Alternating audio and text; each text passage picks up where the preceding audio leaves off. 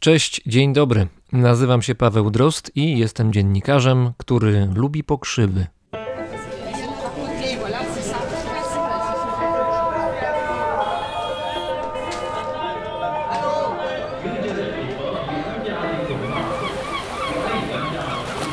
Brzmienie świata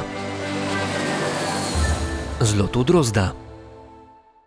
Odkryłem te rośliny dosyć późno, już jako dorosły człowiek. To znaczy, no, oczywiście odkrywałem je już od wczesnego dzieciństwa, za każdym razem, kiedy nierozważnie wkraczałem w zacienione fragmenty łąk i krzaczowisk, a na nogach i rękach czułem nagłe irytujące pieczenie. Wszyscy to znamy. Pokrzywy odkryłem właściwie na nowo, kiedy wkroczyły do mojej kuchni i z miejsca zyskały aplauz publiczności przy stole. Samo zbieranie pokrzyw jest już wartościowym etapem, bo trzeba wyjść w teren i poszwędać się z torbą albo koszykiem. Pokrzywa była bodaj pierwszą dziką rośliną jadalną, którą dopuściłem do talerza po długiej, długiej przerwie. Nawet nie wiem skąd się ta przerwa wzięła. Może to życie w mieście odsunęło rośliny gdzieś na bok. Pamiętam przecież, że jako mały chłopak, gdy biegałem po łąkach i między drzewami, i mieliśmy z kolegami ochotę na przekąskę, a do domu jakoś tak było dalekawo, no to błyskawicznie lokalizowaliśmy szczaw i go jedliśmy. To było tak naturalne jak picie wody. Sięgasz ręką, zrywasz, wkładasz do ust i czujesz ten charakterystyczny kwaśny smak. To jak te dzieci z północnych Włoch, które po II wojnie światowej zamiast szczawiu delektowały się ćmami. Więcej znajdziecie w 11 odcinku Brzmienia Świata, jeżeli jeszcze nie słuchaliście. Pytacie czasem, jak znajduję gości do rozmów. Przeróżnie. Czasami spędzam długie godziny przy komputerze, skacząc od strony do strony, szukając jakiegoś tropu, którym idę, w nadziei, że w finale będzie jakaś nagroda, i czasami rzeczywiście ta nagroda jest. Jeszcze innym razem y, może być tak, że ktoś szepnie mi podpowiedź, że warto się daną osobą albo tematem zainteresować. A nierzadko jest tak, że mnie samego coś ciekawi i wtedy uparcie szukam informacji i na końcu oczywiście kompetentnego rozmówcy. A że mogą to być i często są zagadnienia czy miejsca rzadkie albo nietypowe, szukam długo i cieszę się, kiedy w końcu mi się udaje.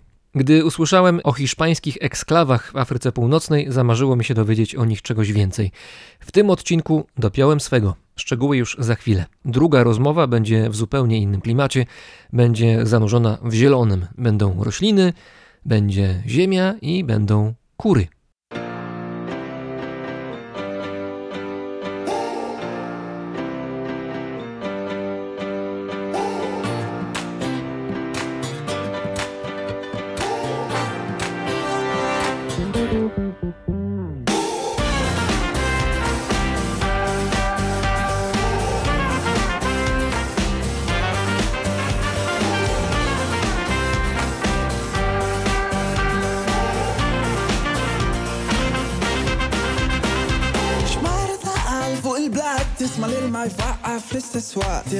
Cialla e seggiar Nel الشم شحمر نار حياة بيت في تشنترو انرجيا بورا كل قلوب هالمورتا اللي ذلك بار فيستا يداولو دلام أسود فيستا. سنوريك الدنيا. ستوريا ايوا فياجي يندور الدنيا كلها. في باجي كلوري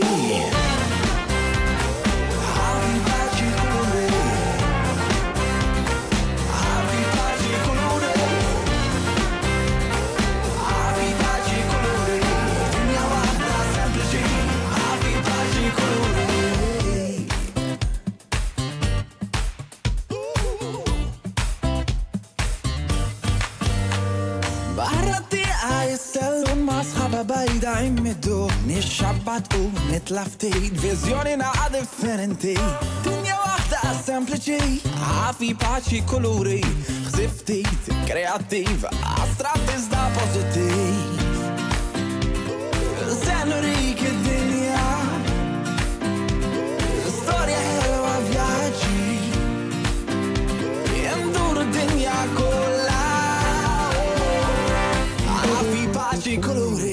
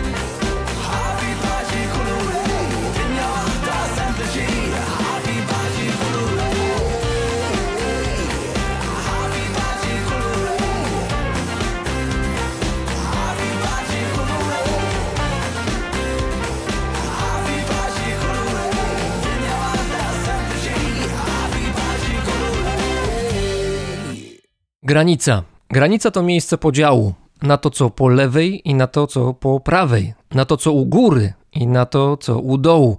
Granica to również punkt spotkania, choć nie zawsze musi być to spotkanie równorzędne. O takim miejscu będziemy teraz rozmawiać. Miejscu niezwykle rzadko odwiedzanym, które kilka lat temu na chwilę przebiło się do świadomości Europejczyków, a obecnie chyba znowu jest z boku, jakoś na marginesie. Razem z nami jest socjolog, profesor Uniwersytetu Łódzkiego Tomasz Ferenc. Dzień dobry panu. Dzień dobry. Specjalizuje się pan między innymi w swoich badaniach właśnie w badaniu granic i teraz będziemy rozmawiać o jednej z takich granic, która pana zainteresowała, ale najpierw może o miejscu centralnym tej granicy. Mianowicie chodzi o Ceutę. To jest hiszpańska eksklawa na terenie Afryki. Miasto twarzą niejako zwrócone w kierunku Europy ku Gibraltarowi. Miasto mniejsze od Sandomierza, jak sprawdziłem. Niezwykle ważne i jednocześnie jakoś takie no, nieistotne, zapomniane. To może najpierw trochę geografii, trochę historii, bo to Jasne. powinno rzucić nam nieco światła na to, czym Ceuta jest i czym była w przeszłości. To nie jest w ogóle jedyne terytorium hiszpańskie, które na terenie Afryki się znajduje. To nie jest jedyna eksklawa która jest na wybrzeżu Morza Śródziemnego? Są dwie, Ceuta i Melilla. Ceuta jest troszeczkę większa i dużo bliżej geograficznie zlokalizowana względem Hiszpanii. Jest po prostu po drugiej stronie Gibraltaru. Jest tak blisko, że przy dobrej pogodzie widać Gibraltar. To jest pierwsza sprawa. Druga sprawa, tak jak bym powiedział, rzeczywiście to jest maleńki teren, bo to jest 19 tysięcy kilometrów kwadratowych. To jest niewielki teren, z jednej strony otoczony tym, o czym będziemy za chwilę mówić, czyli tą granicą, a z drugiej strony morzem. Za granicą mamy Królestwo Maroka, tak to wygląda geograficznie. Sam teren jest to rodzaj takiego półwyspu, ukształtowanego trochę górzyście. Im bardziej zbliżamy się w stronę Maroka, to ten teren robi się taki coraz bardziej pofałdowany. Turystycznie nie jest to miejsce pasjonujące, między innymi dlatego, że chociażby po drugiej stronie mamy Andaluzję, która jest chyba ciekawsza i jest tam więcej do zobaczenia. Z drugiej strony mamy Maroko, które jest niebywale ciekawe i atrakcyjnie, turystycznie, kulturowo i tak dalej. W związku z tym jakby do Ceuty w celach turystycznych nie przyjeżdża wiele osób i faktycznie ona pozostaje trochę takim jakimś dziwnym, cichym, trochę tajemniczym i trochę zapomnianym zakątkiem, dodajmy, Unii Europejskiej w Afryce. Tak, bo to jest miasto, które należy do Hiszpanii, w związku z tym należy też do Unii Europejskiej i dlatego jest też taką Mekką, ziemią obiecaną dla ludzi z terenów Afryki subsaharyjskiej przede wszystkim, którzy no właśnie stąd o Seucie się dowiedzieliśmy właściwie, że ci ludzie próbowali sforsować barykady, blokady, płoty, które w Seucie odgraniczają jeden świat od drugiego, ten świat europejski, który reprezentuje Seuta, od świata afrykańskiego. I ci ludzie próbowali te granice sforsować. Dzięki temu my się dowiedzieliśmy o tym, że w ogóle Ceuta istnieje. To prawda. To jest miejsce, o którym większość Europejczyków i ja też jeszcze kilka lat temu chyba nie zdawałem sobie sprawy z istnienia, wiedziałem, że są jakieś eksklawy hiszpańskie, ale nie znałem ani historii, ani nie wiedziałem właściwie, co się w nich dzieje. Ten mur jest bardzo dramatyczną, interesującą konstrukcją. On został wybudowany, czy zaczęto go wzmacniać w roku 1995, kiedy rozpoczęły się takie pierwsze fale emigracji z terenów Afryki subsaharyjskiej. Ale tak naprawdę jego wzmocnienie, takie intensywne wzmocnienie nastąpiło w roku 2005. To znaczy wtedy pojawiła się taka naprawdę potężna fala emigrantów i rząd hiszpański postanowił powiększyć i wzmocnić ten mur. Właściwie mur to nie jest dobre słowo, bo mur kojarzy nam się z czymś takim solidnym, betonowym czy ceglanym, a to jest siatka o wysokości 6 metrów, Właściwie są dwie siatki, między nimi jest droga. Ta droga służy do tego, żeby mogły tam przemieszczać się hiszpańskie służby patrolujące. Ta siatka jest zwieńczona nowym typem drutu kolczastego, który nazywa się drutem żyletkowym. On się różni tym, że ten dawny drut kolczasty po prostu wbijał się na centymetr czy półtora w skórę, a ten nowy żyletkowy rościna skórę. Jeżeli mówimy o tym samym, to mnie się wydaje, że to wygląda trochę jak drut kolczasty, ten powiedzmy tradycyjny, tylko tak jakby ktoś go spłaszczył i to są takie płaskie fragmenty. Tak, to są takie płaskie fragmenty, to ma na celu po prostu odstraszyć, to ma na celu bardzo realnie zranić. I teraz to ogrodzenie ma mniej więcej 10,5 10-11 km długości i oczywiście jakby okala całą tą eksklawę. I jego wzmocnienie, które nastąpiło w roku 2005, no to była jakaś wielomilionowa inwestycja, w której także po części uczestniczyła, czy finansowana była przez Unię Europejską. Mówiąc krótko, chodziło o to, aby powstrzymać napływ przede wszystkim ludzi, którzy docierali tam z Afryki subsaharyjskiej. I teraz ten sam mur się nie obroni. To jest kwestia jeszcze całego tego ogromnego personelu. I wydaje mi się, że ciekawą rzeczą dotyczącą tych dwóch eksklaw, Ceuty i Melili, jest to, że różnego rodzaju służby bezpieczeństwa, hiszpańskie służby bezpieczeństwa, stanowią 18% mieszkańców tych dwóch eksklaw, a populacja Ceuty w tej chwili to jest mniej więcej 85 tysięcy ludzi. Ale znowu, gdybym miał tutaj jeszcze coś dodać, to to, że te siły hiszpańskie w postaci policji, Guardia Civil, w postaci wojska, no i w postaci także bardzo owianego niezbyt dobrą sławą formacji Legion, to jest ta formacja, którą między innymi zakładał Franco i w 30 latach, 36 roku tą formację wyprowadził z Ceuty i wtedy rozpoczęła się wojna domowa w Hiszpanii. Co ciekawe, Legion tam do dzisiaj stacjonuje, czy fragmenty tej formacji.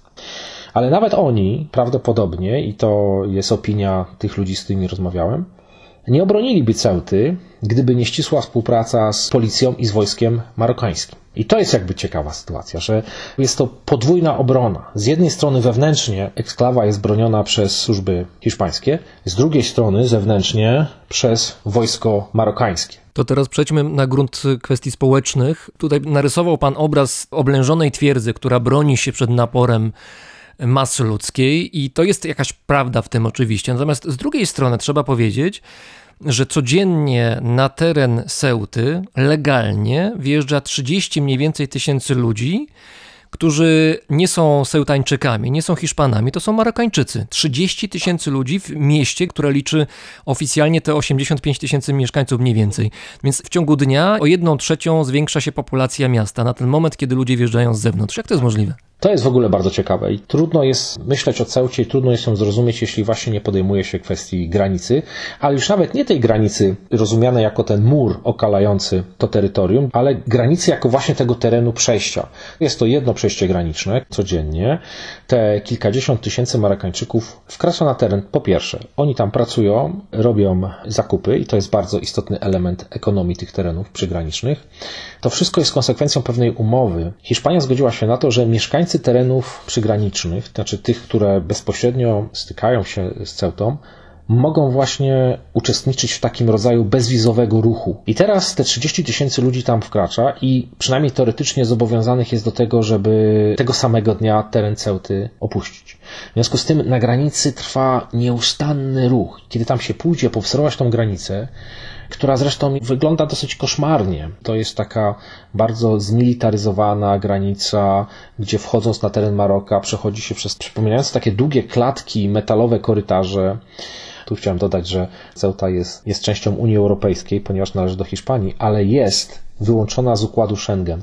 A zatem ci ludzie wkraczają. Jeśli na przykład dochodzi do sytuacji, że granica jest zablokowana, to tam dochodzi do zamieszek ponieważ dla tych Marokańczyków no, Ceuta jest miejscem, które daje im szansę przetrwania, zarobienia pieniędzy, kupienia tanich towarów, czy inaczej, kupienia towarów, które później mogą sprzedać na terenie Maroka, lub też dostarczenia pewnych towarów z Maroka, które mogą sprzedać na terenie Ceuty. W związku z tym tam się wytwarza specyficzny rodzaj takiej przygranicznej ekonomii, który moim zdaniem ma trzy obiegi. Ma obieg legalny, bo są Marokańczycy, którzy tam pracują legalnie. Jest tam szara strefa i wreszcie jest czarny rynek, ogromny przerzut narkotyków z Maroka do Ceuty i potem z Ceuty dalej do Hiszpanii. I głównie chodzi o haszysz, który jest powszechnie uprawiany na terenie Maroka i do Ceuty dostarczany. Więc ekonomicznie to też jest niebywale ciekawe, ale ja wiem, że trochę odbiegłem od tematu czyli tego, jak ci ludzie tam po prostu wkraczają. Tu jeszcze ważna rzecz jest taka, to jeden z pańskich rozmówców o tym mówi, że w tej chwili w strefie przygranicznej z Seutą po stronie marokańskiej, tam gdzie mieszkają ludzie, którzy formalnie, legalnie, bez wizy mogą codziennie wjeżdżać na teren Seuty, mieszka już w tej chwili około milion osób. W związku z tym jeden z pańskich rozmówców mówi, że któregoś dnia można sobie wyobrazić taką wyimaginowaną sytuację, ale jednak formalnie możliwą, że ten milion Amerykańczyków ze strefy przygranicznej umówi się, żeby w tym samym momencie, tego samego dnia, wjechać na teren 85-tysięcznej Seuty i de facto zalać masą ludzką legalnie ten skrawek ziemi, który należy do Hiszpanii. Teoretycznie tak. I ten sam rozmówca dodał jeszcze jedną rzecz, że kiedy ten układ był podpisywany, w tym rejonie mieszkało 150 tysięcy Marokańczyków. Dzisiaj jest ich milion. I faktycznie zmiana układu populacji i w Maroku, i w samej Ceucie może doprowadzić do tego, że rzeczywiście jakby jej, jej status ulegnie zmianie. A jeszcze chciałem parę słów właśnie o tych ludziach, którzy wkraczają, bo to przyznam się szczerze, było dla mnie mm, ciekawą częścią rozmów z tymi Hiszpanami z Ceuty. Otóż prawie każda osoba, z którą rozmawiałem, albo sama znała, albo też bezpośrednio korzystała z pracy tych ludzi, którzy docierają do Ceuty. To są kobiety, które prowadzą domy, to są hydraulicy, to są ogrodnicy, to są różnego rodzaju pracownicy wykonujący cały szereg prac fizycznych którzy, tak jak powiedziałem, teoretycznie rano powinni wejść, po południu powinni wyjść. I zatrudnienie na przykład takiej pani z Maroka, która przychodzi i prowadzi dom, to jest koszt mniej więcej 200 euro miesięcznie. To nie jest dużym wydatkiem dla takiej przeciętnej hiszpańskiej rodziny i ogromną sumą dla osób z Maroka. Spotykają się tu różne światy. Oczywiście są też zamożni Marokańczycy, którzy przyjeżdżają na przykład do sklepów. I to też jest ciekawe, że jak powstał sklep Zara, to w tych eksklawach pojawiła się taka linia produktów robiona właśnie na przykład z myślą o kobietach arabskich specjalnie zaprojektowana w taki sposób, żeby ona mogła się podobać i kulturowo być akceptowalna. I ta Zara jest głównie okupowana przez mieszkańców Maroka, którzy przyjeżdżają tam na zakupy. Wiem o tym, że w ramach dobrego biznesu, którym da się zrobić w Seucie, mówię to z perspektywy firm europejskich, to świetnie sobie radzi Lidl na miejscu. To jest w ogóle niesamowite. Byłem w tym Lidlu. Faktycznie to jest e, podobno Lidl mający największe obroty w całej sieci. Nie wiem, czy to jest prawda prawda, ale rzeczywiście w nim jest ruch nieustanny. To wynika z tego, że Ceuta jest objęta takimi programami zwolnień z podatków i tam są trzy rzeczy tanie. Samochody są tanie, tytoń jest tani i alkohol jest tani. Dlaczego na terenie Ceuty jest bardzo dużo dobrych samochodów? To też na pewno przyciąga. A w ogóle, jeżeli bym jeździł samochodem po Ceucie, to mam w ogóle gdzie się rozpędzić, bo to jest miasteczko, jak powiedzieliśmy, mniejsze od Sandomierza, to tak za bardzo nie ma gdzie jeździć, a zaraz obok albo morze, albo ten płot. Samochodów jest mnóstwo i każdy lubi jeździć samochodem, natomiast faktycznie trzeba się liczyć z tym, że są to krótkie przejażdżki. W dodatku są takie miejsca ekstremalnie zakorkowane, to znaczy wielkim problemem jest ten obszar przygraniczny. Tam faktycznie są potężne korki. Problemem są także wąskie ulice na terenie samego miasta, w związku z tym miasto jest zakorkowane. A gdyby pan miał kogoś oprowadzić po Seucie, mając już jakąś wiedzę na temat miasta i chciałby pan pokazać takie miejsca wartościowe, ciekawe, czy to z wyglądu, czy z historii, to w ogóle jest pan w stanie skonstruować taką listę atrakcji? Czy w ogóle to jest miasto, które dałoby się przedstawić turyście jako miasto atrakcyjne? No bo tak jak powiedział pan na początku, Ceuta jest zapomniana przez świat, przez Europę, przez turystów i tak dalej, mimo że teoretycznie mogłaby stanowić jakąś atrakcję. Tam nie ma rzeczy, w moim przynajmniej odczuciu, do których przyzwyczaja nas, nie wiem, na przykład Hiszpania, czy właśnie wspomniana już Andaluzja, ale są ciekawe miejsca, oczywiście, że są. Jest kilka interesujących kościołów, bardzo ciekawe, przynajmniej dla mnie, mnie takie rzeczy interesują. Są świetnie zachowane mury fortecy z XVII wieku, całego jakby takiego wielkiego bastionu obronnego, który można zwiedzać.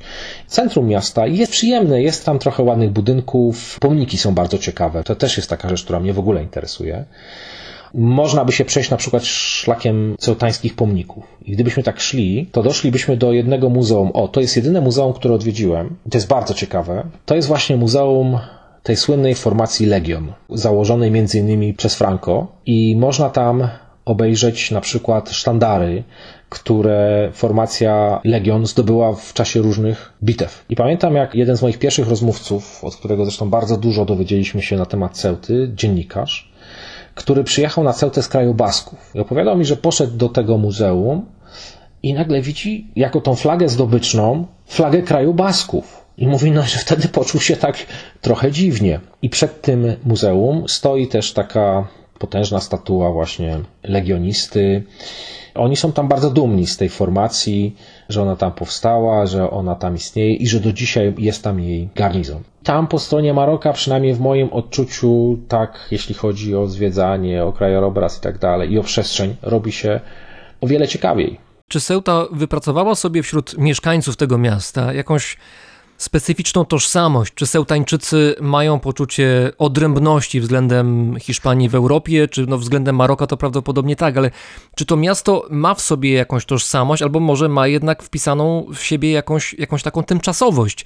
I tutaj dodam od razu wątek, który może być wartościowy przy odpowiedzi na to pytanie, to znaczy kwestia podziału religijnego w mieście, to znaczy mniej więcej w tej chwili pół na pół jest podział na, na chrześcijan i na wyznawców islamu, prawda? I to się zmienia na korzyść islamu. Tak, w tej chwili jest jeszcze niewielka przewaga tej społeczności chrześcijańskiej, niewielka, ale tendencja jest rosnąca i praktycznie nic nie wskazuje na to, żeby ona się zmieniła. To jest tak, jak któryś mówi z tych rozmówców, my mamy po jedno, dwójkę dzieci, oni mają po trójkę lub czwórkę dzieci i demografia jest nieubłagana. W kilku wywiadach zauważyłem coś takiego, wywiad zaczyna się od takich często bardzo ogólnych rozmów, oni opowiadali, że to jest jakby miasto, w którym harmonijnie żyją cztery wyznania. To znaczy, że są chrześcijanie, muzułmanie, że są także wyznawcy hinduizmu i wyznawcy judaizmu. Natomiast prawda jest taka, że rzeczywiście istotnymi graczami są tylko te dwie pierwsze grupy. Te pozostałości po hindusach i ta niewielka wspólnota żydowska jest naprawdę, nie odgrywa znaczącej roli. To jest taka po prostu ładna legenda miasta czterech religii, które harmonijnie żyją. Czy jest jakaś tożsamość Cełtańczyków? To jest w ogóle interesujące. Jak rozmawiałem z młodymi ludźmi, którzy na przykład pojechali studiować, opuścili Ceutę i pojechali na studia do Hiszpanii, to oni się spotykali z bardzo ciekawym stosunkiem innych tych europejskich, że się tak wyrażę, mieszkańców Hiszpanii. Oni na przykład na nich mówili, że oni są Afrykańczykami. Albo w ogóle nie wiedzieli skąd oni są. I wielu z nich wracało chętnie na Ceutę. I to było dla mnie interesujące, że w kilku wywiadach oni podkreślali, że Ceuta to w ogóle jest świetne miejsce do życia. Mówili bardzo pozytywnie o podatkowych ulgach, o klimacie, że można znaleźć pracę, choć z tą pracą bywa różnie. Czy jest tożsamość Ceutańczyka? Przyznam się szczerze, że to jest dobre pytanie, na które nie potrafię dać jasnej odpowiedzi. Może odpowiedzią częściową będzie to, że kiedy rozmawiałem z nimi i pytałem ich o to, co sądzą o przyszłości Ceuty, no to bardzo często dowiadywałem się tego, że prawie każda cełtańska rodzina posiada jednak drugi dom gdzieś po drugiej stronie morza, gdzieś w Hiszpanii. Że jakby jest gotowa na taką ewentualność, że może kiedyś, oczywiście niechętnie i z wielkim żalem, Ceutę trzeba będzie opuścić. Ci, którzy są autochtonami, to znaczy ci, którzy tam się urodzili, u nich ewidentny był ten mechanizm małej ojczyzny, przywiązania do niej, poczucia, że moja mała ojczyzna jest wyjątkowa. Kiedy rozmawiałem z tymi, którzy tam przyjechali, na przykład, żeby pracować, to ich ocena Ceuty była wiele bardziej surowa. Wspomnieliśmy o tym, że te dwie grupy etniczno-religijne to chrześcijanie i muzułmanie, natomiast to wygląda w taki sposób, że wśród muzułmanów 60% osób dotkniętych jest biedą, a wśród chrześcijan to jest 15%. Że jeśli chodzi o edukację, to 70% muzułmańskich dzieci nie kończy szkoły podstawowej, podczas gdy prawie 100% hiszpańskich dzieci szkołę kończy. To jest też coś, co z czasem będzie przekształcać charakter i strukturę społeczną tego miejsca. Zresztą to już, co niektórzy potwierdzają, zaczyna być widoczne. Na przykład w tym, jak ubierają się kobiety z rodzin muzułmańskich. Jeszcze w latach 80. i 90. jakby one preferowały taki europejski wzorce ubioru. Natomiast teraz coraz częściej obserwowany jest taki powrót do, do tradycyjnych arabskich strojów. Taką interesującą sytuacją jest to, że są takie dwie główne miejskie plaże. I jedna ta plaża, blisko której myśmy mieszkali, to była właśnie taka plaża, na której przychodzili muzułmanie. I ona była tak na obrzeżach miasta, niedaleko były jakieś takie zabudowania niezbyt atrakcyjne, które przypominały jakieś takie zabudowanie magazynowo-fabryczne. Druga była piękną, zadbaną plażą, z której można było dojść pieszo przyjemnym spacerem z centrum i tam z kolei prawie w ogóle nie było muzułmanów. Jeśli mówimy o topografii miasta, to chciałem dodać jeszcze jedną rzecz. Nawet był taki serial hiszpański zatytułowany El Príncipe. To jest nazwa jednej z dzielnic Ceuty. To jest dzielnica, w której zamieszkuje około 12 tysięcy muzułmanów. To jest taka, jakby można powiedzieć, enklawa w eksklawie trochę. To jest taki teren, który tylko do pewnego stopnia znajduje się pod jurysdykcją państwa hiszpańskiego. To są miejsca, w których mieszkają między innymi dilerzy, narkotyków, przemytnicy itd., tak itd., tak ale także po prostu ta tkanka ubogiej muzułmańskiej części tego społeczeństwa. Jeden z pańskich rozmówców pamiętam, że powiedział, że Ceuta jest pustym miastem, gdzie z jednej strony Marokańczycy mogą szukać pracy i mogą zarabiać pieniądze, ale też mogą przyjechać sobie na zakupy ale dla samej Hiszpanii to jest tylko symbol. To jest symbol dawnej potęgi, który to symbol może już w tej chwili nie ma już takiej wielkiej wartości. No zresztą oprócz dwóch eksklaw to jeszcze była kiedyś, jeszcze pod koniec lat 60., prawda? Była eksklawa Ifni, z tego co pamiętam nazwę, prawda? I ona została oddana. Tak, Sidi Ifni. Mhm. To jest też w ogóle super ciekawa sprawa i kiedy zakończył się ten czas imperialnej Hiszpanii, to Maroko i kraje Mahrebu wydawały się dla Hiszpanów, dla, dla polityków hiszpańskich takim terenem naturalnego wpływu. To była ostatnia pozostałość imperium, zresztą tak też niektórzy mówią o tych dwóch eksklawach. Zresztą to są takie już smutne pozostałości wielkiego, wielkiego imperium. Dla mnie także było zastanawiające to i zaskakujące, że z tego obszaru Sidi Ifni Hiszpanie wycofali się dopiero w 1969 roku i w 1975 roku została w pewnym sensie uregulowana kwestia Ceuty i Melili. Te dwa miejsca faktycznie spełniają funkcję przede wszystkim symboliczną. Z kolei dla Marokańczyków Ceuta to jest Euro Disneyland. To jest takie miejsce, do którego oni przyjeżdżają i mają taką namiastkę Europy w Afryce. Omówiliśmy dosyć dokładnie dwie grupy, które w mieście się stykają, to znaczy z jednej strony mieszkańcy Seuty, Seutańczycy, z drugiej strony Marokańczycy, którzy tam przyjeżdżają, ale jeszcze jest trzecia istotna grupa, to znaczy migranci z Afryki subsaharyjskiej, którzy tam się cały czas pojawiają, cały czas próbują, teraz może mniej, ale jeszcze kilka lat temu intensywnie próbowali przedostać się do tego lepszego ze światów poprzez forsowanie tego podwójnego sześciometrowego muru. Przeciwko sobie mieli i nadal mają kamery, mają żołnierzy, policję, czujniki ruchu i jedyna ich broń, jaką mają, żeby mieć nadzieję na to, że się dostaną do Europy poprzez Seutę, jest działanie w masie. To znaczy pamiętamy sprzed kilku lat, myślę część z nas pamięta jeszcze takie biegi ku wolności. Kilkaset ludzi jednocześnie, zwykle to byli młodzi mężczyźni, ruszali na te wysokie płoty i próbowali je pokonać w masie, licząc na to, że chociaż części z nich się uda. To tak naprawdę był główny powód naszego wyjazdu w stronę eksklawy. Wraz z moim przyjacielem Markiem Domańskim to nas interesowało najbardziej, czyli to jak działa granica. Szybko zrozumieliśmy, że jeśli tej całej reszty nie uwzględnimy, to nie zrozumiemy także granicy, ale bezpośrednim przyczyną właśnie była próba przyjrzenia się temu, jak działa płot. I kiedy tam poznaliśmy jednego z naszych rozmówców, dziennikarza lokalnej gazety, on nas zabrał na taki spacer takimi ścieżkami, którymi już naprawdę rzadko kto chodzi. I, i byliśmy bardzo blisko tego płotu i w krzakach, na ziemi, czasami takie wdeptane w ziemię, porozrywane fragmenty ubrań znajdowaliśmy. Ich było bardzo dużo. To były fragmenty kurtek, swetrów, no różnych rzeczy. I oczywiście zapytałem o to, z czego to wynikało. To wynika z tego, że kiedy ci ludzie szykują się do tego szturmu, oni po prostu zakładają na siebie jak największą ilość ubrań. To ma ich chronić. Chronić przed drutem żyletkowym, chronić przed upadkiem, chronić przed gumowymi kulami, przed tym wszystkim, co może ich tam po prostu spotkać, a może ich spotkać wiele złych rzeczy i bardzo dużo przemocy. Ale kiedy oni już tam się dostają, no to oni oczywiście to z siebie zrzucają. Zrzucają te kurtki, zrzucają te wszystkie rzeczy, którymi byli owinięci. W związku z tym wzdłuż granicy, myśmy nawet zrobili dokumentację fotograficzną tego, leży mnóstwo tych ubrań i każda zmasowana próba ataku tej zapory, jaką jest granica, zawsze kończy się tym, że takie rzeczy zostają. Ci ludzie, którzy przekraczają, to są w 90, nie wiem, 8% mężczyźni, młodzi mężczyźni, sprawiający wrażenie takich naprawdę mocnych, wysportowanych młodych ludzi. To też ma swoje uzasadnienie. To bardzo szybko wyjaśnili mi moi rozmówcy. Tylko tacy ludzie są w stanie przebyć tą podróż. Musimy pamiętać o tym, że ci ludzie, zanim dotrą do muru, to oni muszą pokonać pustynię, oni muszą uniknąć kontaktu z różnymi gangami, bandami, a wreszcie na koniec dostać się pod ten mur, wyczekać na odpowiedni moment i spróbować tego przekroczenia, które nie musi udać się za pierwszym razem. I rzeczywiście mnie zdziwiło to, jak zacząłem czytać raporty dotyczące tego sposobu przekraczania granicy, że to nie dzieje się chaotycznie. To jest rodzaj dobrze przemyślanej strategii. Właśnie, to jest rodzaj dobrze przemyślanej strategii. Oni się po prostu zbierają w takie grupy kilkuset osobowe i kiedy osiągają pewną masę krytyczną, czyli na przykład jest tam już 300, 400, może 500 osób, to wtedy następuje cała ta akcja. Po pierwsze,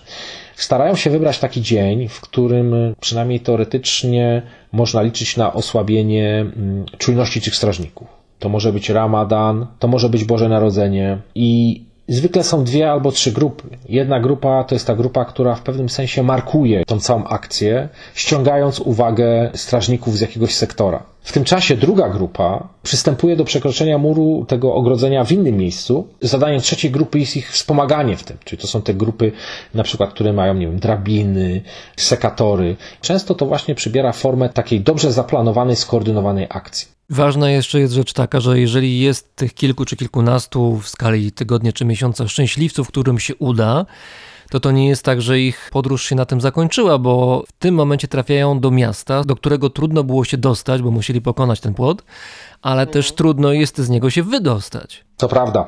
I to się pojawiło często w tych wypowiedziach, że Ceuta jest w istocie pułapką. My, Europejczycy, możemy tam przypłynąć i możemy stamtąd się oddalić, kiedy chcemy.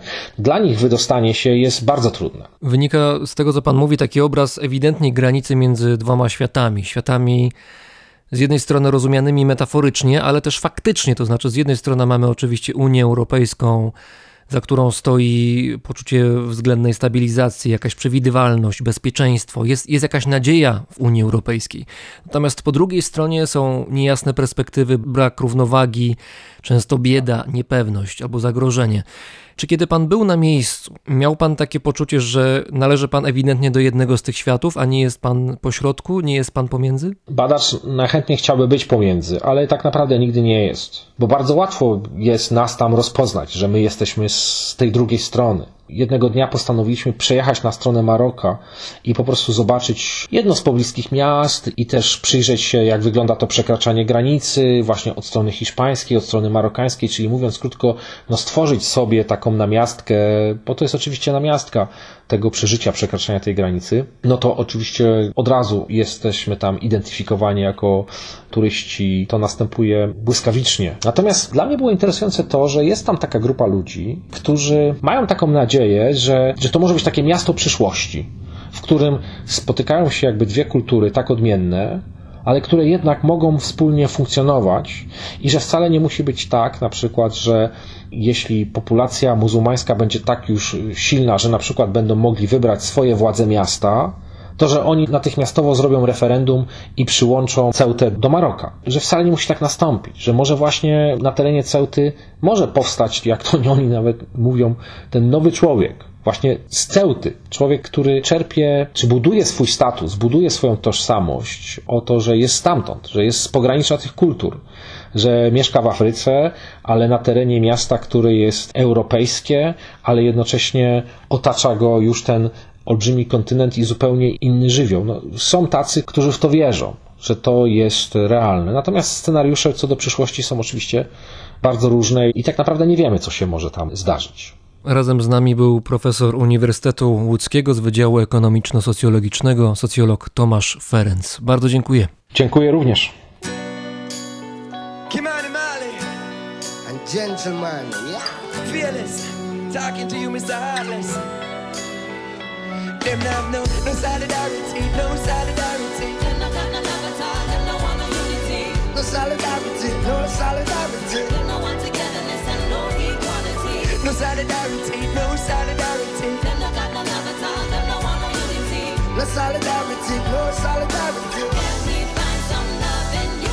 I'm talking for the people who don't have a voice. Finding a surrounding where they don't have a choice. Where others have it easy, they don't have it nice. Facing daily struggle for a handful of rice. And the leaders that surround them and go around them with lies. Separate the people with the military ties. People are dying like flies. Don't you think it's time to step in at the footsteps of Christ? Hey, why are we fighting for the leaves? When the strength is in the root. Like a love is in the truth dread, destroying all the seeds. Busy fighting for the fruits, victimizing our youth. Them have no, no solidarity, no solidarity. Them not got no love at all, them no want no unity. No solidarity, no solidarity. Them no want togetherness and no equality. No solidarity, no solidarity. Them no got no love at all, them no want no unity. No solidarity, no solidarity.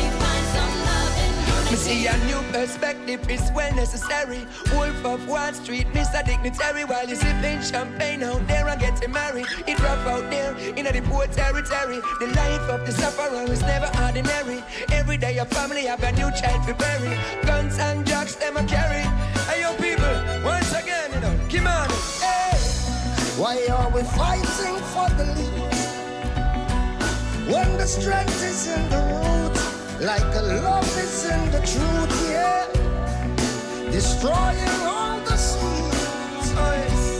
It's a fighting for the fruits, one victimizing our roots. Them not no, no solidarity, no solidarity. Them no got no love at all, them no want no unity. No solidarity, no solidarity. Them no want togetherness and no equality. No solidarity, no solidarity. Them no got no love Solidarity, no solidarity.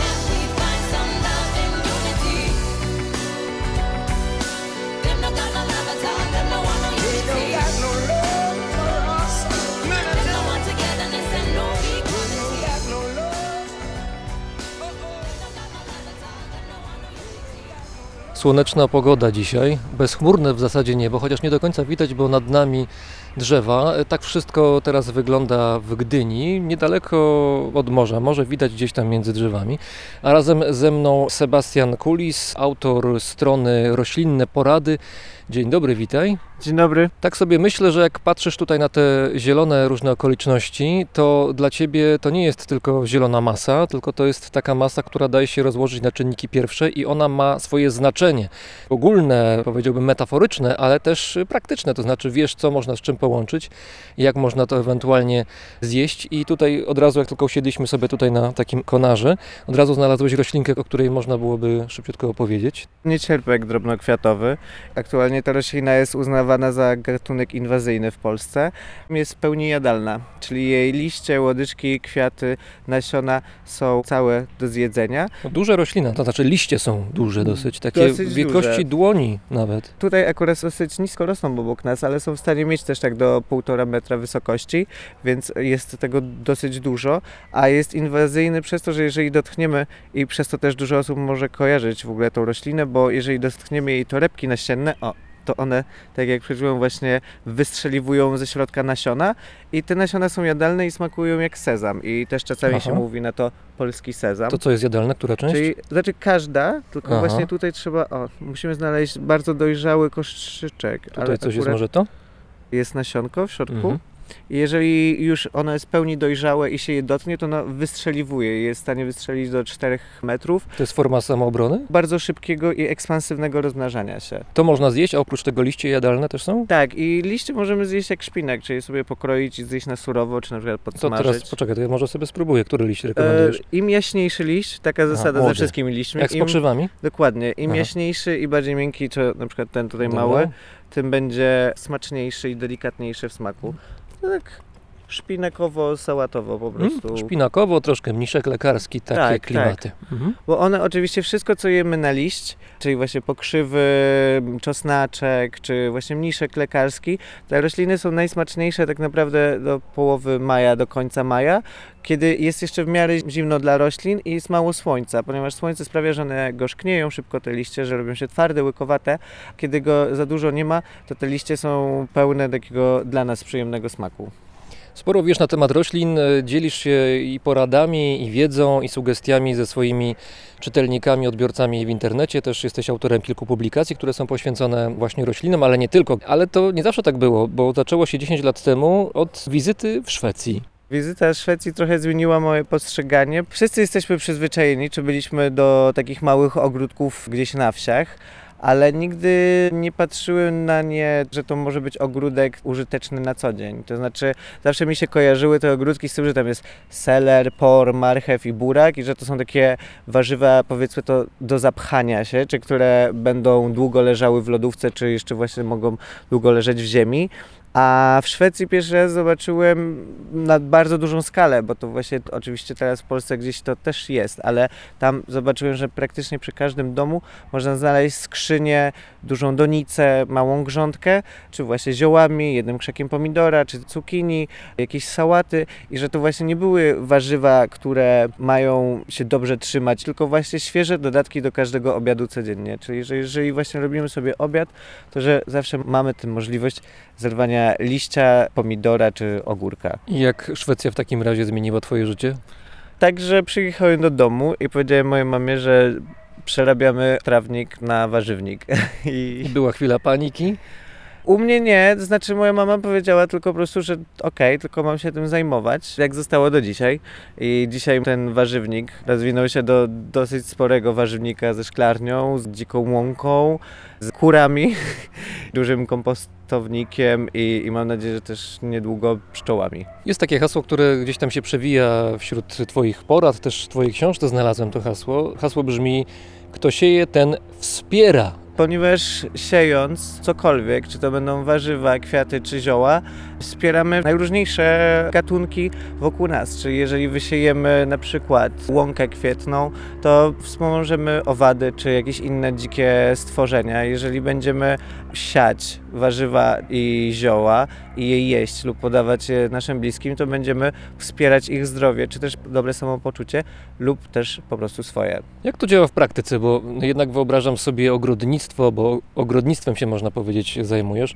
Wyobrażam sobie ogrodnictwo jako taką działalność jakoś egocentryczną jednak. To znaczy robimy to dla siebie, no żeby mieć dobre warzywa, dobre owoce, żeby było przyjemnie z tymi ziołami świeżymi prosto z ogrodu, żeby było nam lepiej.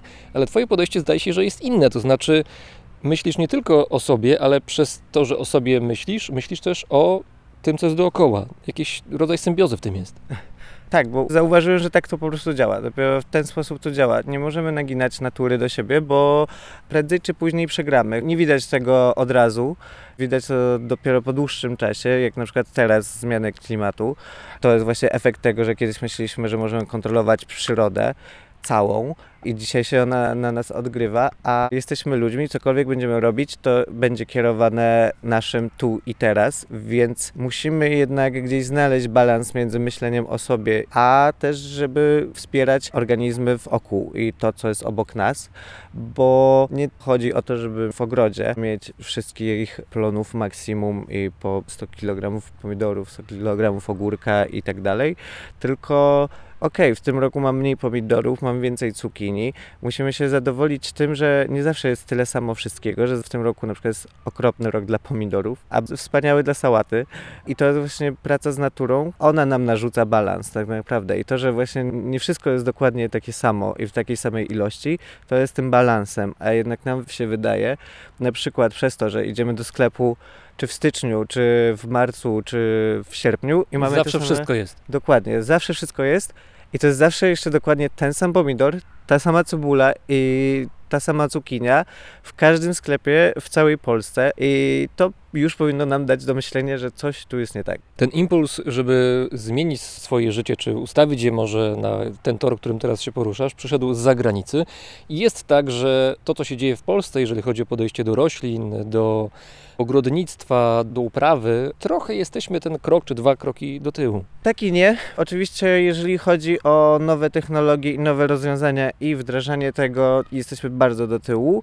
Jednak jest jedna myśl, którą ja się zawsze pocieszam, jeżeli chodzi o szacunek do roślin, a szczególnie właśnie do dzikich roślin jadalnych, jest taki, że nasze babcie, prababcie, które jeszcze żyją albo z którymi mieliśmy kontakt za życia, dla nich to była codzienność, czyli ta pokrzywa zbierana, czy właśnie nawet podagrycznik, czy zbieranie mniszka lekarskiego, czarnego bzu, one kiedyś to robiły i to rzeczywiście tu było. U nas kultura zbierania grzybów jest oczywista. U nas każdy w rodzinie gdzieś przynajmniej raz w życiu był najprawdopodobniej zbierać grzyby, czego nie ma właśnie na zachodzie. I my tak naprawdę jesteśmy bardzo blisko tego i jest to gdzieś nam bliskie naszemu sercu, naszym wspomnieniom. Tylko tutaj jest właśnie ten problem, żeby rozmazać tą granicę, że to są właśnie rzeczy, które były tam babciowe tak zwane, a żeby pokazać, że ta właśnie wiedza, ta praktyka i to, co kiedyś robili nasi dziadkowie, chociaż oni bardziej z przymusu, to coś dobrego i co powinniśmy też powtórzyć w tej właśnie bardziej zrównoważonej, nowoczesnej formie. Tu sobie przypominam taką anegdotkę z Australii, gdzie było sobie jakieś miasteczko średniej wielkości i tam był sobie lasek. Ten lasek postanowiono wyciąć, on naprawdę był nieduży, nie przedstawiał z zewnątrz, tak jak się na niego patrzyło, jakiejś szczególnej wartości, ale pojawiły się protesty. Protestowały dwie grupy, polscy emigranci i niemieccy emigranci. Dlaczego? Bo okazało się, że oni tam regularnie chodzą zbierać grzyby. Czy jakieś inne przykłady z zagranicy świadczą o tym, że, że są jakieś wzory, na które warto patrzeć? Fantastycznymi przykładami są oczywiście Kopenhaga, Berlin, Londyn czy Paryż. Zaczynając od Berlina, to tam pas od lotniska przemieniono w ogród społecznościowy, taki, że po prostu jeżeli ktoś nie ma swojej działki, ogródka ani żadnego balkonu, może sobie przyjść i po prostu sadzić w skrzyniach, w paletach, w doniczkach kwiatki, warzywa i może mieć to w środku miasta. W Kopenhadze na przykład było jedno miejsce, nie wiem czy ono nadal istnieje, ale na pewno było takim projektem na cały jeden sezon, czyli dach jednej z hal stoczniowych przemieniono właśnie na ogród wraz ze szklarnią i w tej szklarni zmieniono ją na restaurację i podawano w niej dania z tego ogrodu. Ale też w Danii bardzo dobrze się ma idea farm to table, czyli z farmy na stół. Restauracje, które współpracują z farmami i gotują to, mają w menu, w karcie to, co akurat jest teraz na farmie. Też właśnie widziałem fantastyczny przykład. To miejsce nazywa się Atelier September. Restauracje musiały być zamknięte, a trzeba żyć, więc po prostu warzywa, które do nich normalnie docierały na kuchnię, zaczęli pakować w torby papierowe i sprzedawać w okienku. I tak rozwiązano ten problem i restauracja dalej funkcjonowała, farma dalej funkcjonowała, ludzie dalej mieli jedzenie. To znaczy mówisz o sytuacji teraz pandemii. Tak, tak, tak. To jest z tej sytuacji pandemii. I wiem, że dużo właśnie jakiś film, gdzieś to tam film czy restauracji podłapało. W Paryżu też jest ogród, który działa na dachu budynku i z tego ogrodu po prostu biorą warzywa i podają to w restauracji. W Londynie też są oczywiście takie miejsca. One w ogóle zakładają te miejsca, że się współpracuje, to znaczy, że, że to nie są jednostki, tylko się zbiera jakaś grupa entuzjastów i robi coś razem, wspólnie. Dokładnie, fantastyczny właśnie pokaz tego, że ludzie mogą współpracować.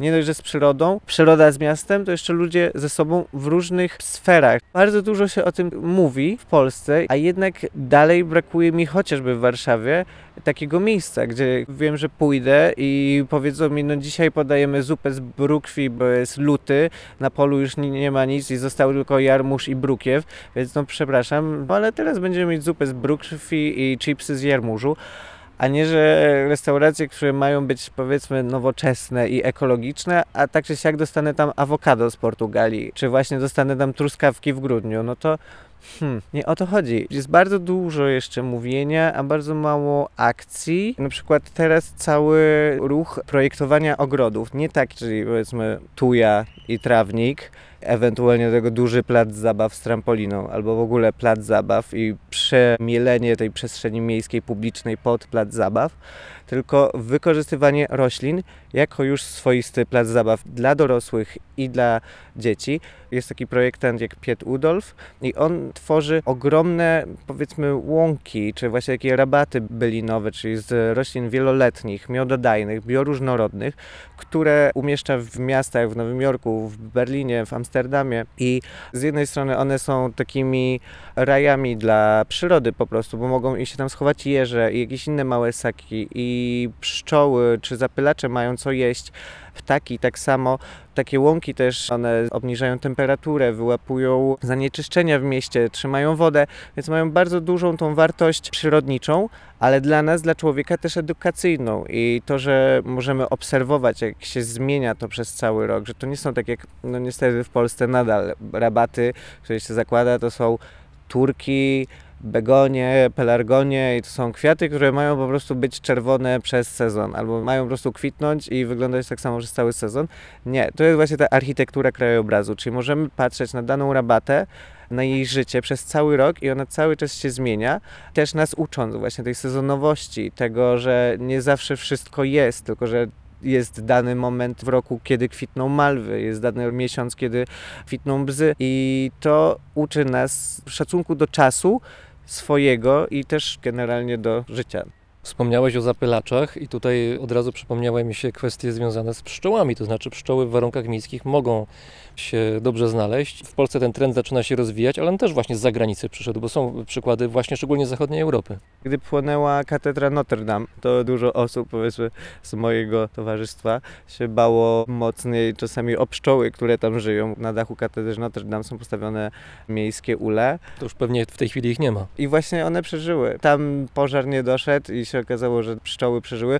Prawdopodobnie teraz już rzeczywiście je zdjęli, ale jak się okazuje, pszczoły dają sobie o wiele lepiej radę w mieście niż na wsi, ponieważ tutaj nikt nie używa pestycydów.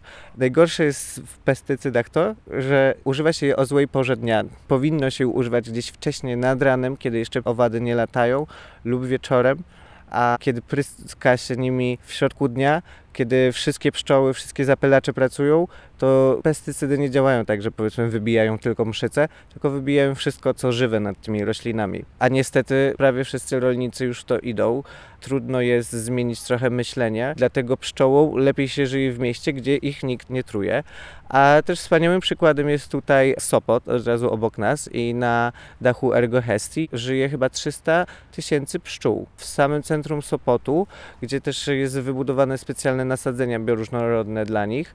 Oczywiście też dają miód, który da się jak najbardziej spożywać i to da się. A do tego właśnie też dużo osób się pyta, czy to jest bezpieczne. Jak najbardziej, ponieważ z pszczołami, jak z innymi zwierzętami hodowlanymi, czyli tak jak mamy rasy koni, rasy kur i rasy psów, tak samo mamy rasy pszczół i po prostu do miast wybiera się te rasy pszczół, które są najbardziej łagodne i które kompletnie nie atakują ani nie żądlą. W internecie i w swoich publikacjach nie tylko nawołujesz do odrodzenia ogrodnictwa, ale też do odrodzenia tej relacji, którą ma człowiek z przyrodą. Mam wrażenie, że często masz takie poczucie, że jednostka ma znaczenie. Jak najbardziej, bo to jest nasze życie, po pierwsze, a po drugie, sam wiem po sobie, że nie uważam, żebym robił coś super szczególnego, ale wiem, że już udało mi się parę osób przekonać do tego, żeby właśnie, nie wiem, zostawiły trawnik i stworzyły zamiast niego łąkę, czy żeby zaczęły uprawiać swoje warzywa. Więc każdy jeden mały ruch ma znaczenie, bo jesteśmy właśnie takimi atomami i ten las, w którym jesteśmy teraz, gdyby nie te pojedyncze liście, które spadają na jesieni i urzeźniają glebę, to by nie żył. I to dzięki tym pojedynczym liściom, które są w stanie przemienić w dobroczynną materię, on żyje. I tak samo jest z nami. Więc jesteśmy też takimi pojedynczymi atomami, które po prostu przygotowują lepszy lub gorszy grunt pod przyszłość lub pod innych. Masz dużo atencji w stosunku do świata roślin, ale również w stosunku do świata zwierząt. I tutaj szczególnym zwierzęciem, które się pojawia u Ciebie w różnych relacjach, są kury. To może najpierw, zanim o kurach, to jeszcze instrukcja podnoszenia kury, bo wiem, że jest jakaś specjalna. Kury nie lubią mieć luźnych łapek, więc jeżeli bierzemy kurę, to najpierw wkładamy jej rękę pod łapki, a potem po prostu drugą ręką przytulamy i wtedy nam się nie wyrywa, bo właśnie bardzo częstym błędem jest to, że się ją łapie za tułów i ona zaczyna się wyrywać, bo nie czuje po prostu gruntu pod nogami, a jak wiemy, kura nie umie latać, więc w powietrzu nie czuje się najlepiej. Często przytulasz swoje kury? E, tak, chociaż czasami ostatnio mi trochę dziczeją. Zależy które, ale tak, bo niektóre też się nie dadzą w ogóle przytulić. I właśnie z kurami jest tak jak z psami czy z kotami, czy z każdym innym zwierzęciem. Mają swoje charaktery, mają swoje upodobania. A mają imiona? Mają imiona, też nie wszystkie, bo czasami jest tak, że się wyklują i wyglądają identycznie przez bardzo długi czas, więc imiona dostają z czasem. Na przykład niestety już odszedł ode mnie, ale był Malwin i Malwin się wykluł jako Malwinka i przez wiele miesięcy był Malwinką, no ale pewnego dnia zobaczyłem, że wyrasta mu pióro takie jak nie powinno, które świadczy o tym, że jest jednak kogutem, więc Malwinka stała się Malwinem. No jest Sztorm, Sztorm jest wielkim kogutem Świadczy o charakterze to imię. tak, bardzo trudnym charakterze.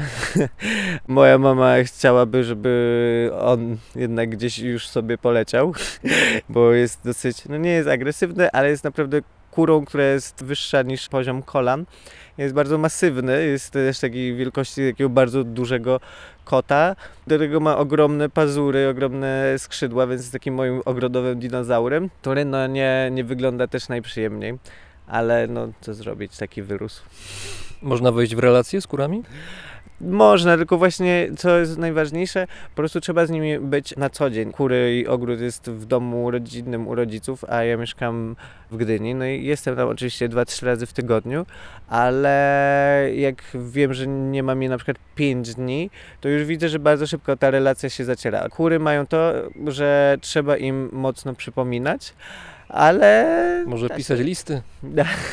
one bardzo dobrze reagują na dźwięki. Znaczy, na przykład wiedzą, że jak klaszczę, to że to jest znak, żeby szły już do kurnika i że to jest czas spania. Wiedzą, że jak pukam, to na przykład jak sobie gdzieś tam coś grabię i wyskoczy mi robak, jakiś bardziej tłusty, to wtedy jak pukam sobie w drewno, czy, czy właśnie w ogóle pukam, to wiedzą, żeby przebiec i będzie jakaś przekąska, więc też rozumieją pewne sygnały. Pamiętają twarze. Tak, pamiętają twarze. Są w stanie pamiętać do 70 do 100 twarzy, oczywiście bardziej 70, ale to też jest tak, że mogą ludzkich twarzy, innych zwierząt, albo też po prostu swoich. Dlatego w takich wielkich przemysłowych fermach kury się nie czują też dobrze, ze względu na to, że kiedy jest więcej niż 70-100 członków stada, one się po prostu boją i gubią w tłumie, bo nie mogą rozpoznać swoich. Kury oczywiście u Ciebie pełnią rolę producentów jajek, co jasne, ale to nie jest tylko tak, że one tylko jajka znoszą i na tym koniec. To jest tak, że one też są wpisane w ten ogrodowy ekosystem. To też jest jeden z elementów istotnych. ponieważ jeżeli mam jakiś w tym roku na przykład inwazję ślimaków, no to idealnie się pozbywają ślimaków. Ja mam czyste serce, że nie muszę ich powiedzmy tam gnieść, jakoś zabijać specjalnie. Po prostu kury się tym zajmują, więc ja mam czyste ręce. Predatorzy. Dokładnie. Do tego oczywiście dostaję nawóz po nich, który też jest bardzo dobry. Wszystkie chwasty, które na przykład nie idą, tak zwane chwasty, kocham chwasty, ale te rośliny bardziej inwazyjne, których nie mogę wyrzucić na kompost, od razu daję kurom i to też przerabiają mi idealnie, więc są takim też moim śmietniczkiem trochę, ale one się bardzo z tego cieszą. No i do tego oczywiście dają mi piękne koncerty. To też właśnie ta bliskość tego zwierzęcia, które jednak widać, że ufa. Kura to jest jedno z pierwszych zwierząt, które w ogóle udomowiliśmy, a wiemy o nich tak mało i tak w ogóle je marginalizujemy. A warto by było je poznać, bo też ja prowadząc konto w internecie dostaję dużo niesamowitych wiadomości właśnie o kurach, które nie wiem, mieszkały z kogoś tam babcią na przykład w domu całe życie i po prostu kura wychodziła tylko na dół się załatwić i wracała i miała swój fotel. Czy właśnie kura, która pomagała sprzątać zawsze i coś tam nosiła. Nosiła wiadra na przykład. Yy, Znaczy, no, biegała ze szmatką, znaczy, że łapała w dziób i podobno jakaś babcia jak myła podłogi czy coś tam, to właśnie była kura, która łapała też za szmatkę i biegała za tą panią. Albo właśnie takie kury, które były bardzo leniwe i siedziały cały czas w miejscu, więc to też trzeba im się po prostu przyjrzeć, nie patrzeć na las jako na masę, tylko na pojedyncze drzewa. Tak samo nie patrzeć na stado kur jako na masę kur, tylko pomyśleć sobie najpierw, nie wiem, zwrócić uwagę na jedną, bo to też jest problem, że jak patrzymy na zwierzęta, myślimy, że one bezmyślnie coś robią, że to jest jakieś tam, nie wiem, dłubanie w ziemi albo patrzenie się. One wiedzą, co robią i to też musimy patrzeć na te zwierzęta pod kątem, o, ona na przykład tam jedna się oddala od stada i się okazuje, że ona akurat znalazła miejsce z super robakiem i to wszystko można zobaczyć po ich ruchach, więc tylko musimy dać nam i im szansę na to, żeby je zrozumieć. Wspomniałaś o chwastach w swoim ogrodzie, które no właśnie nie są chwastami, bo chwasty to jest takie słowo, które oznacza, że coś jest nie w porządku. Coś jest zbędne, coś nam przeszkadza, a no, Twoje podejście do roślin, które nazywalibyśmy chwastami, jest zupełnie inne.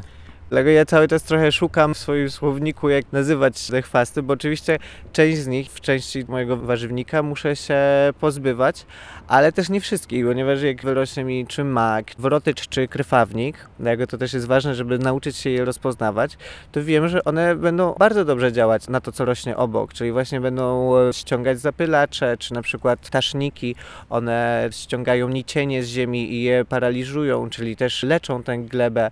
Dużo roślin, jak wrotycz na przykład odstrasza swoim zapachem, czy po prostu robi takie zasłony dymno-zapachowe wokół roślin, dezorientując tak zwane szkodniki, więc bardzo dużo tych dzikich roślin, tych tak zwanych chwastów, to bardzo dobre rośliny. Oczywiście część z nich jest właśnie bardzo inwazyjnych, czy mocnych, czy takich, które będą konkurować z naszymi warzywami, ale to nie jest tak, że musimy się pozbyć każdego jednego źdźbła rośliny, której my nie zaplanowaliśmy. Wręcz właśnie pozwólmy im się rozwinąć, pozwólmy, żeby rosły, bo też jeżeli dana roślina rośnie w jakimś miejscu, to bardzo często znaczy, że gleba tego chce. Na przykład pokrzywy rosną w miejscach, które potrzebują wyleczenia, czyli potrzebują tego, żeby je nawieść, bo ziemia może być na przykład zbyt jałowa. I w takim miejscu właśnie zaczyna na przykład wyrastać pokrzywa, która bardzo silnie wyciąga swoim bardzo rozbudowanym systemem korzeniowym, wyciąga z ziemi mnóstwo składników chemicznych, zawiązuje je w liściach, a kiedy obumiera, oddaje je ziemi i tym je leczy i tym ją buduje.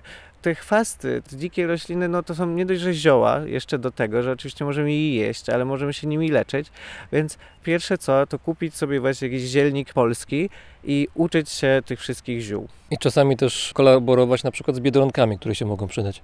Jak najbardziej i też właśnie poznać to, co jest wokół nas. Te wszystkie biedronki, które zjadają mszyce, ale też bzygi i złotooki, że tych owadów jest tak dużo i wydaje nam się często, że właśnie owad to już wszystkie owady byśmy wytępili, bo tam jeden owad coś nam zjada. Hoduję od trzech lat arcydzięgiel z nasionka. No i trzy lata to jest długo, nie powiem. I w tym roku już właśnie zapewniłem temu arcydzięglowi wspaniałą też ziemię i podlewanie i stanowisko i już, bo uwielbiam jego kwiaty i, i też myślałem, że sobie wezmę trochę nasion z tych kwiatów, trochę sobie wysuszę. Tworzą takie ogromne hule, baldachy, które pięknie pachną, są miododajne. I przychodzę do ogrodu i patrzę, że te baldachy chwilę przed kwitnieniem są złamane w pół. Wszystkie. Ech, no i się okazało, że obsiadł sobie tam robaczek, nie pamiętam jak się nazywał, włoska, coś włoska. Też się ich wszystkich uczę, bo tego też w tym roku pierwszy raz w ogóle zauważyłem i też zacząłem szukać jego imienia. Taki ładny, bardzo ładny robaczek, właśnie w takie czarno-czerwone paski. No i się okazało, że on po prostu się żywi roślinami selerowatymi. Więc no, co miałem zrobić? Co miałem opryskać? Miałem to zgnieść? No nie, no jak już zjadł, to, to niech sobie siedzi i je. Szkoda, trudno, ale nie muszę mieć wszystkiego. Coś innego mi wyrośnie. I, I tego, wydaje mi się, że tego podejścia nam brakuje, bo za bardzo chcemy żeby wszystko było pod kreskę, pod linijkę, żeby się świeciło i błyszczało. Takie życie nie jest. Taki nie jest ogród, taka nie jest natura. A my już za bardzo wszystko naciągnęliśmy pod ten swój taki plastikowo-komercyjny wygląd. A z drugiej strony wiem, że jak zostawię te robaczki sobie grupę, to przyleci zaraz jakaś chmara kosów, może, może mazurków, sikorek i one sobie je zjedzą. No i zamiast arcydzięgla będę miał ptaki. Wymieniłeś tutaj chwilę temu różnego rodzaju warzywa i chciałbym, żebyś opowiedział o jednym z nich. Akurat jego nazwa przed chwilą nie padła, mianowicie brukselka. Wiem, że cenisz bardzo to warzywo, a większość populacji, przynajmniej polskiej, raczej nie ceni. Brukselka jest fantastyczna i proszę zmienić o niej zdanie, jeżeli ktoś ma negatywne. Brukselka jest bardzo delikatnym warzywem po prostu, więc jeżeli będziemy ją gotować przez 15 czy 20 minut, czy mordować na patelni, no to oczywiście nie będzie smaczna, ale jeżeli pomyślimy o tej brukselce bardziej jak o czymś delikatnym, na przykład typu sałata, jak groszek na przykład, że rozłupujemy ją na małe listki i po prostu blanszujemy pod gorącą wodą, czy rzucamy na 3 minuty na patelnię i tylko chwilę podsmażamy. Ewentualnie jeżeli pieczemy to w sosie, a nie w wodzie, tylko w jakimś sosie pomidorowym, traktujemy ją delikatnie i też nie bać się jej na przykład przekroić na pół, na ćwiartkę, rozłożyć ją na pojedyncze listki, bo zawsze widzę tylko tą brukselkę w całości. No ona jest wtedy niedobra. Ona powinna być zawsze lekko twarda i wtedy będzie pyszna. Podawać ją bardzo krótkiej obróbce termicznej. To w takim razie smacznego wszystkim życzymy, a razem z nami w Gdyni był Sebastian Kulis z roślinnych porad. Dzięki. Bardzo dziękuję.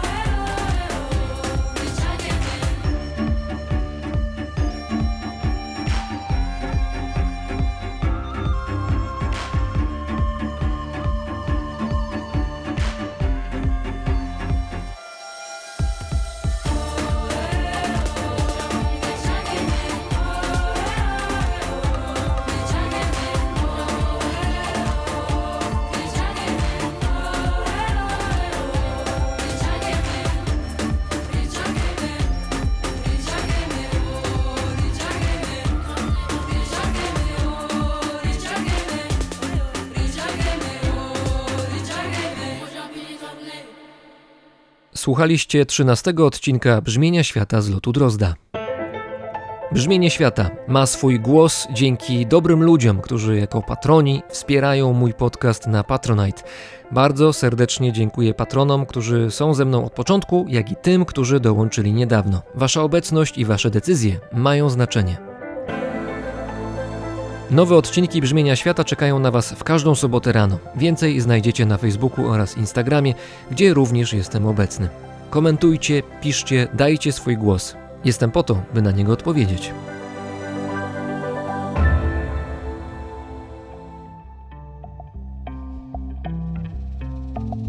Paweł Drost, czyli ja, mówi Wam dobrego dnia.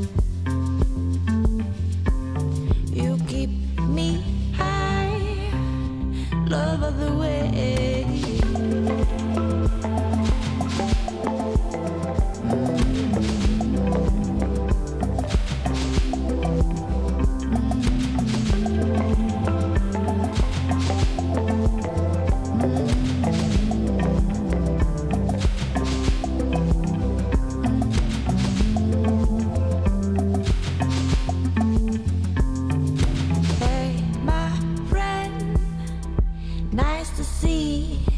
Been uh, oh, a while I didn't see that smile